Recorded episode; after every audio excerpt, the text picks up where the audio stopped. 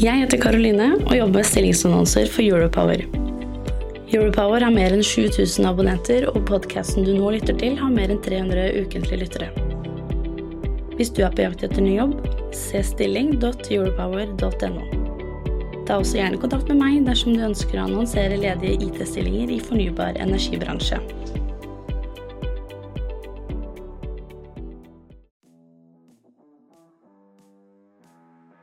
Mens alle satt på Team, så ble det investert veldig mye penger. Det var voldsomt kapital inflow. Eh, masse selskap gikk på Euronext, det var vel over to, to, 200. Mange av de var for tidlig ute.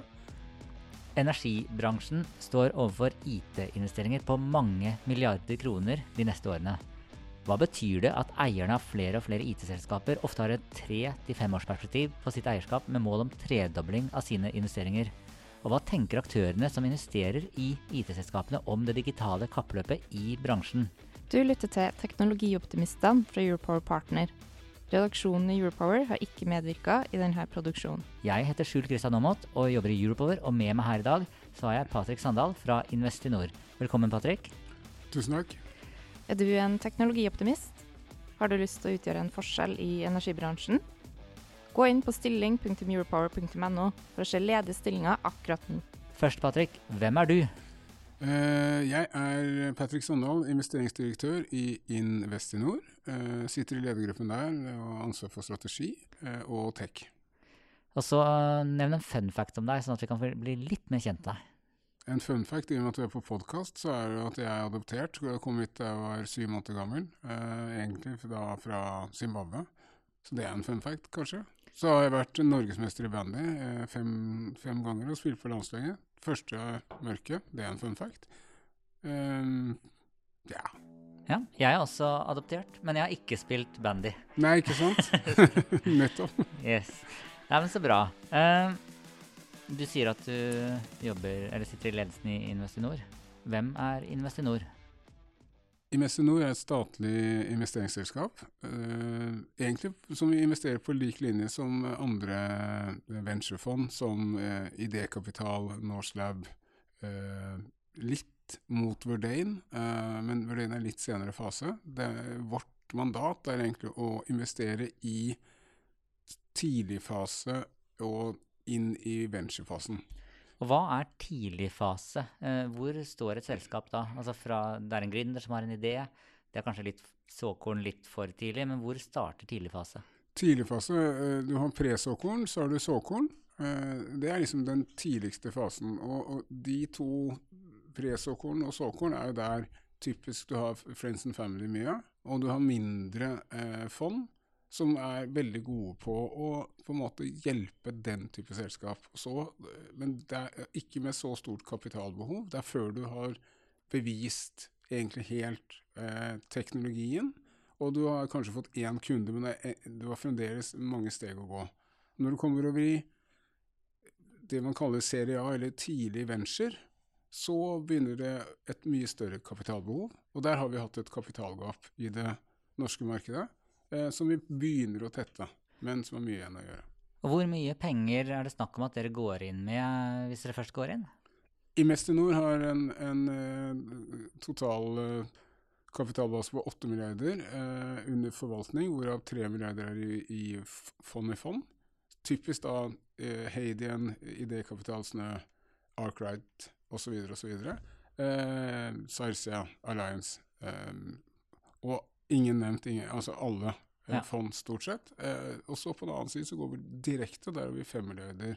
Eh, det vi har som eh, target, er jo at i og med at vi har investert i, i tidligfasefond, så gjør de en mye bedre jobb der enn vi gjør. Så for, for, for vår del så er det 20 millioner i utgangspunktet bør være en sånn minimumstarget for oss eh, når man har en så stor kapitalbase, og vi bør sette 50-100 millioner kroner i arbeid i hvert investeringscase, noe vi ikke har klart til, dag, eh, til nå, men som er helt klart eh, planen fremover. Eh, nå er det jo mye som skjer ute i verden, og så Jeg leser jo, selv om de er deleid av Skipsted, som er konkurrenten vår, så leser jeg Skifter. Eh, og der kan jeg lese om kapitaltørke. Eh, opplever dere at det er kapitaltørke, eller er dere mer sparsommelige med pengene nå? Eller eh, ja, beskriv hvordan du ser situasjonen. Jeg, jeg, tror man må eh, se litt på hva som har skjedd de siste to årene. Eh, hvis du ser fra mars 2020, da pandemien slo inn, eh, eller, ja, og til mai 2022, så eh, hadde vi en peak. Eh, mens alle satt på Team, så ble det investert veldig mye penger. Det var voldsomt kapital inflow. Eh, masse selskap gikk på Euronext, det var vel over to, to, 200. Mange av de var for tidlig ute. Eh, men det var en måte å hente kapital på. og du fikk... Eh, mens det som har skjedd nå, er at vi er tilbake med multipler som er ca. der vi var for to år siden. Og så er det litt eh, ned for en del. Eh, men, men, vi er, Seneta er jo et eksempel, et, et av de selskapene hvor vi har vært investert. Eh, der kommer Apex inn nå, og det var ikke på kapitaltørke eh, valuation. mens andre de litt, de litt dårligere selskapene sliter nå. Men er, sånn vil det alltid ja, være. Er ikke det egentlig litt greit? Det er jo ikke alle som skal som har livets rett. Nei, det er ikke alle som har livets eller, Nei, det er ikke alle som har livets rett. Eh, men kanskje venturebransjen har vært litt for god til å si at vi skal en unicorn, og så skal vi ha 20% som går ålreit, og så 70% we don't care. Uh, de, de, er på en måte De kan gå best. Det tror jeg er litt feil fremover. Jeg tror heller man skal tenke 70-30, men at du ikke skal få så, stor, så bra avkastning på, den, på de eh, selskapene du er inne i. Men at alle de startupene som er der ute nå skal få kapital, det kommer ikke til å skje. Eh, dessverre for de gründerne, men det er lov å være gründer og prøve, og så heller da kanskje hoppe over til et annet selskap hvor, det er, hvor de er klart å få inn eh, penger. Eh, lytterne av podkasten Teknologioptimistene jobber jo gjerne i energi og er opptatt av teknologi. Eh, hvis, vi, hvis, vi, tenker på energisegmentet, altså eh, IT-software inn i energisegmentet, hva slags type selskap ser dere etter, eller hva, hva skal til for at dere går inn i et den type selskap og er med på en reise? Nei, vi er jo inne i Heimdal, som er et godt eksempel. Uh, man har jo et stort behov for digitalisering av hele hva skal vi si, kraftnettet. Man har ikke kontroll på kapasiteten, noe som gjør at man utnytter den kanskje til 65% i snitt. med bare noen sensorer som forklarer sig og temperatur og kapasitet, kan du øke den med kanskje til 85 Eh, Arva i, oppe i Troms er et godt eksempel, som da hadde planer om å bygge kraft, en ny kraftlinje til å bruke 300 millioner. De hang opp 15 sånne kuler, som jeg kaller det, da, neuroner, som teknologene kaller det, eh, med, som da kunne måle kapasitet. Og det gjør at de, man har en enorm besparelse. Eh, fantastisk for naturen. For du slipper å få opp flere stolper eller annet. Og det går mye mye raskere. Nå har de gått på et nytt prosjekt hvor de skal ha 40 sånne som de skal henge opp til. Nettopp for å, og Det er typisk der hvor vi kan gå inn. Vi kan ikke bygge nett, men vi kan komme med teknologi som effektiviserer det man allerede har. Og det tror jeg er, jeg tror det er viktig at man tenker mye, mye mer på eh, hvordan kan man effektivisere det nettet vi har? Er nettet ineffektivt? Eh, nei, det blir feil å si, men nettet er ikke godt nok utnyttet. Det er riktig å si. Og, er, og det er også slik at uh, netteierne er ikke insentivert uh, på riktig måte, noe alle er klar over. for de er insentivert mer etter å bygge enn å gjøre kostnadseffektivisering og bruke cap, capex. da. Mm.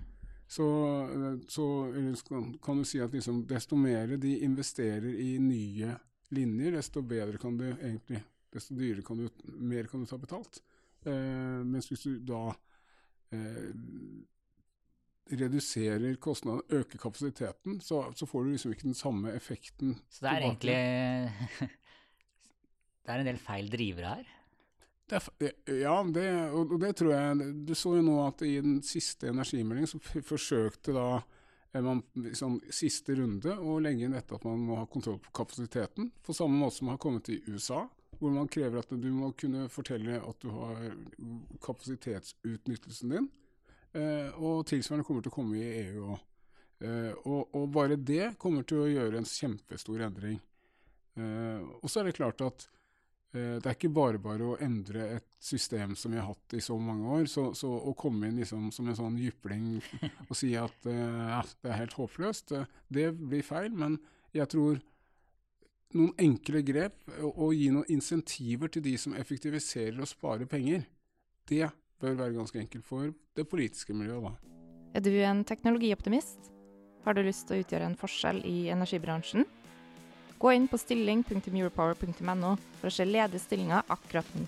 Uh, du nevner Heimdal Power, uh, og nå skal faktisk jeg om noen uker uh, også ha Andiri Heimdal Power inn som gjest her, så verden er liten.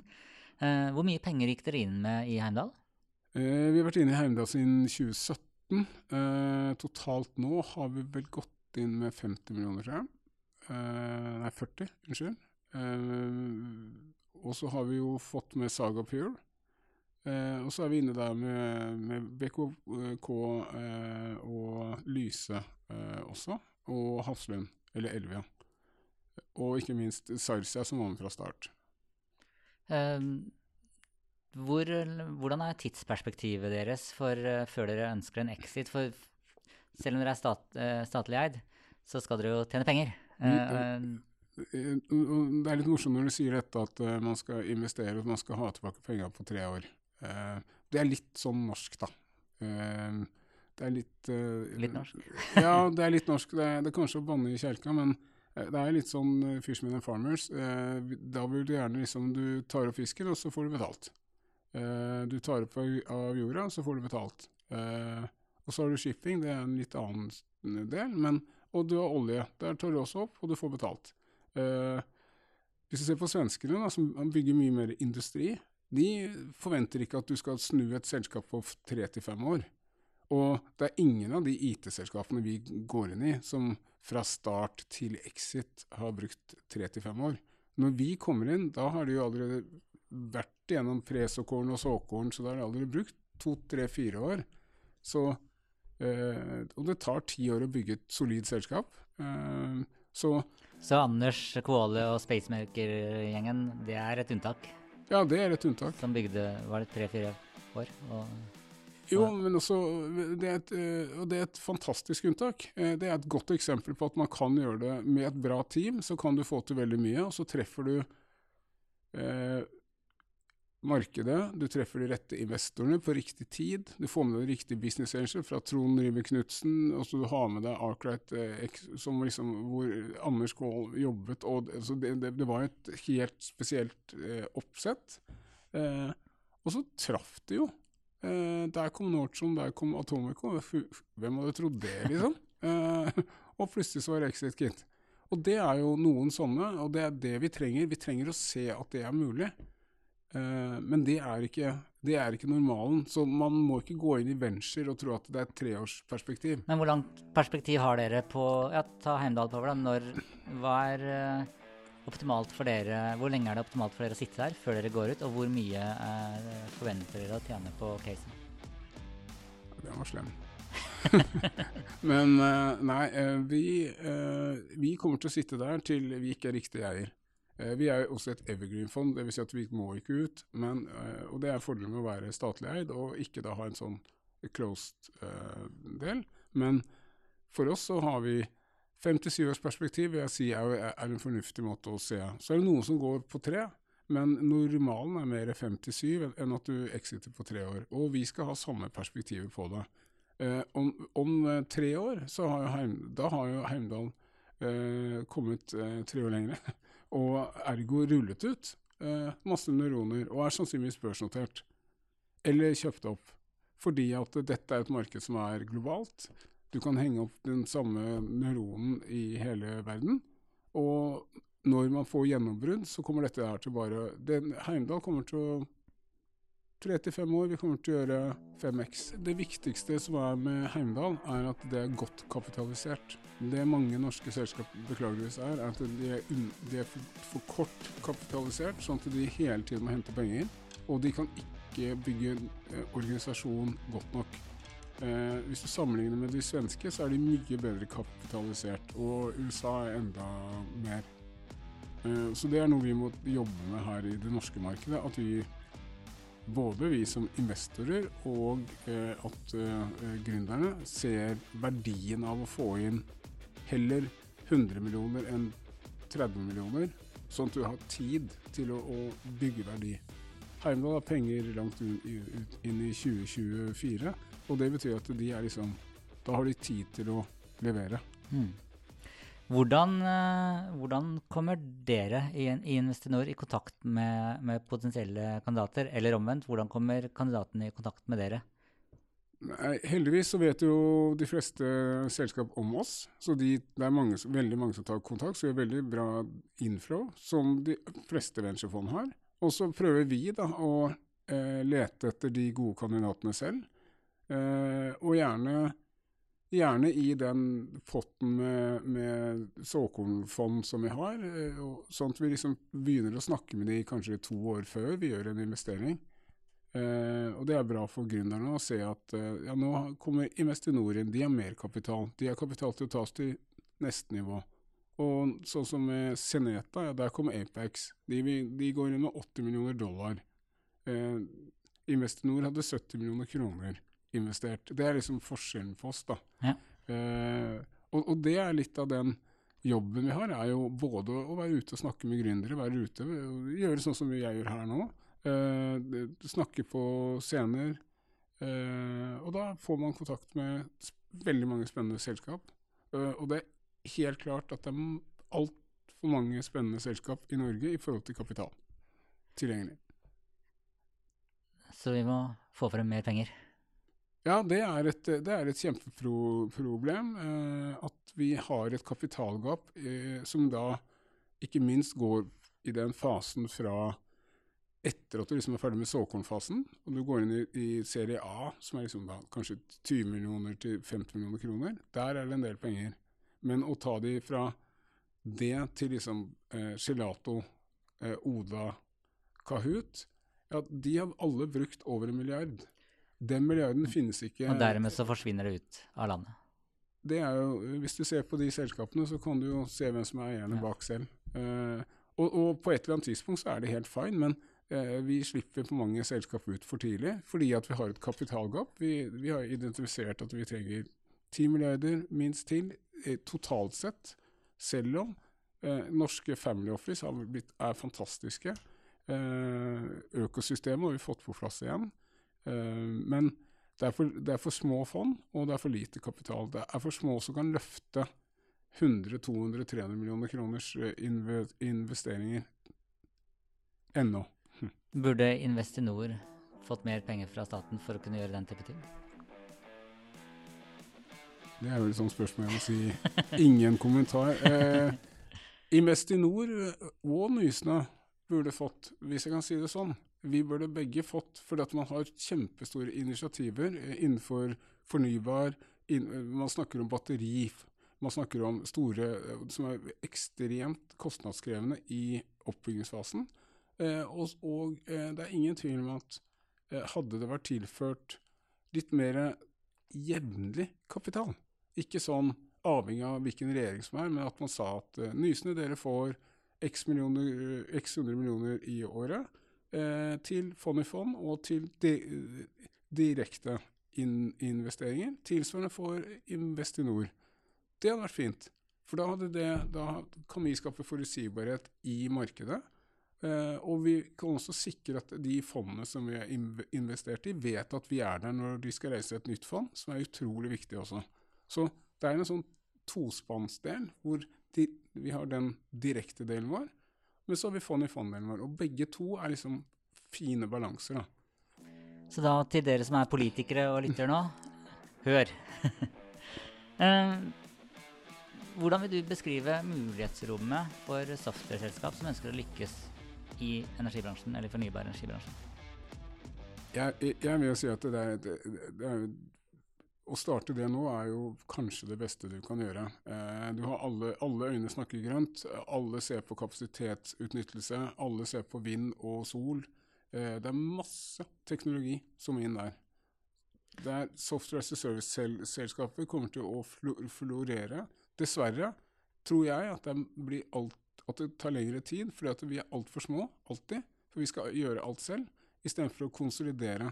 Jeg tror man må gjøre litt som Arendal Fossekompani har gjort med volum, eh, og konsolidere eh, en del av selskapene, sånn at vi blir en ordentlig eh, motspiller eller partner da, til de enorme investeringene som gjøres i havvind. Da ønsker du kanskje ikke en, en liten mygg med eh, negativ egenkapital eh, som din software-leverandør.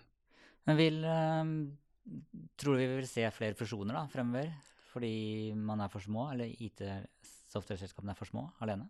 Ja, det, det, sa vi i vår årsrapport også for 2021, at 2022 er starten på mye mer mergers. Eh, mye mer fusjoner, og det kommer til å komme. Og det er nødt til å komme. Og du ser det ikke bare innenfor energi, men det samme innenfor helse.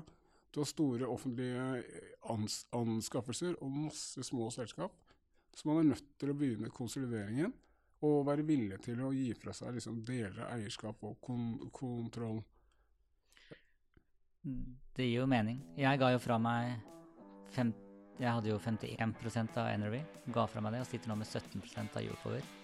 Og tenker at det var, det var lurt. Nå er vi mye mer slagkraftig, Sitter her i NST-bygget enn når vi var tre gründere borte i gata. Og, og, det er litt av poenget. da. Uh, og, og, selv om dere, da, dere hadde deres nisje, men så var det komplementær med Europower. Som du nevnte, mm. abonnement, ikke abonnement. Dere var liksom eh, mm. podkast og litt mer uh, fremoverlent. Kom, det er liksom det vi må gjøre. Vi må se hvem kan, hvem kan, du konsolidere med, hvem kan du fusjonere med, sånn at vi blir liksom sterkere enhet når det går ut til de store kundene. For det er store kunder på andre siden. Mm. Hvordan, eh, og de store kundene på andre siden, er de modne for å forstå altså Du nevnte software as a service, altså nye måten å tenke på. altså Mange av disse store kundene i kraftbransjen da, er vant med å bygge linjer. De er, og de er vant med prosjekter og ikke produkter. Forstår de hverandre, eller, forstår, er kjøperen, eller har kjøperne nok kompetanse? Bestillerkompetanse? Jeg tror eh, man må si det sånn at det har de absolutt. Uh, men de kan bli bedre. På samme måte som vi kan bli bedre til å forklare uh, hva vi selger inn til dem. fordi at, Og så er kanskje vi litt opphengt i dette med software as a service. Men, men hvis den modellen ikke passer for energiselskapene, ja da kanskje vi må tenke annerledes. da. Hvis de må pga hvordan de er insentivert med å gjøre mer upfront-investeringer, ja, da må vi kanskje tilpasse oss den modellen. Så sprer vi eh, inntektene utover. Så det, det, det, er litt sånn SAS er fint, det, altså. Men eh, stort sett så er det inntektene som betyr noe. og om det er i en SAS-modell, så er det klart at hvis den er en, en ordentlig SAS-modell, hvor du har bare liksom gjentagende inntekter over flere år i lange kontrakter, det er én ting. Men er det så det er så mange strukturer. Så, så jeg syns ikke man skal si at de ikke har bestillerkompetanse. Jeg tror det er mer at vi må, vi må jeg, jeg, tror eh, det er heller å snu det. Eh, teknologiselskapene som skal selge inn til kraftbransjen, må forstå hvordan de har det i dag, hvordan de er insentivert i dag, og hvordan vi kan bidra til å endre modeller sammen med dem. Ikke liksom stå og slå dem og si at dere skjønner ingenting. De skjønner masse. Det er vi som ikke forstår hvis vi ikke klarer å selge inn. Det er et godt poeng. Uh, det høres jo nesten ut som uh, en samlivskurs jeg var på. Om kommunikasjon. Ikke sant? Uh, helt til slutt så har jeg et spørsmål som jeg pleier å ta til alle som gjester denne podkasten. min første datamaskin var en Amiga 500. Hva var din datamaskin? Min første datamaskin Nei, da vil jeg heller si at eh, da jeg var på gymnaset, som det het da, så kodet vi med Hva heter det for noe? Eh, Kobolt, ja. ja. Det syns jeg er bedre. Og da, det, da, brukte jeg eh, jeg tror 15 linjer på å skrive fornavnet mitt. Så det var min eh, første intro til IT-verden. Du vet, De som kan det språket nå og er gode på det, de tjener mye penger. For det, det er jo noen, eller en, en, del systemer som fortsatt lever på de systemene, men de som kan kode det, det blir være færre og færre av. Jeg må innrømme at jeg kan, jeg kan ikke det. Nei. da vil jeg si tusen takk til deg, Patrick Sandal fra Investinor. Uh, og tusen takk til deg som har lyttet til denne episoden av Teknologioptimistene. Jeg heter Skjult Kristian Aamodt og jobber i Europower. Og jeg er en teknologioptimist. Tusen takk for meg. Er du en teknologioptimist? Har du lyst til å utgjøre en forskjell i energibransjen? Gå inn på stilling.europower.no for å se ledige stillinger akkurat nå.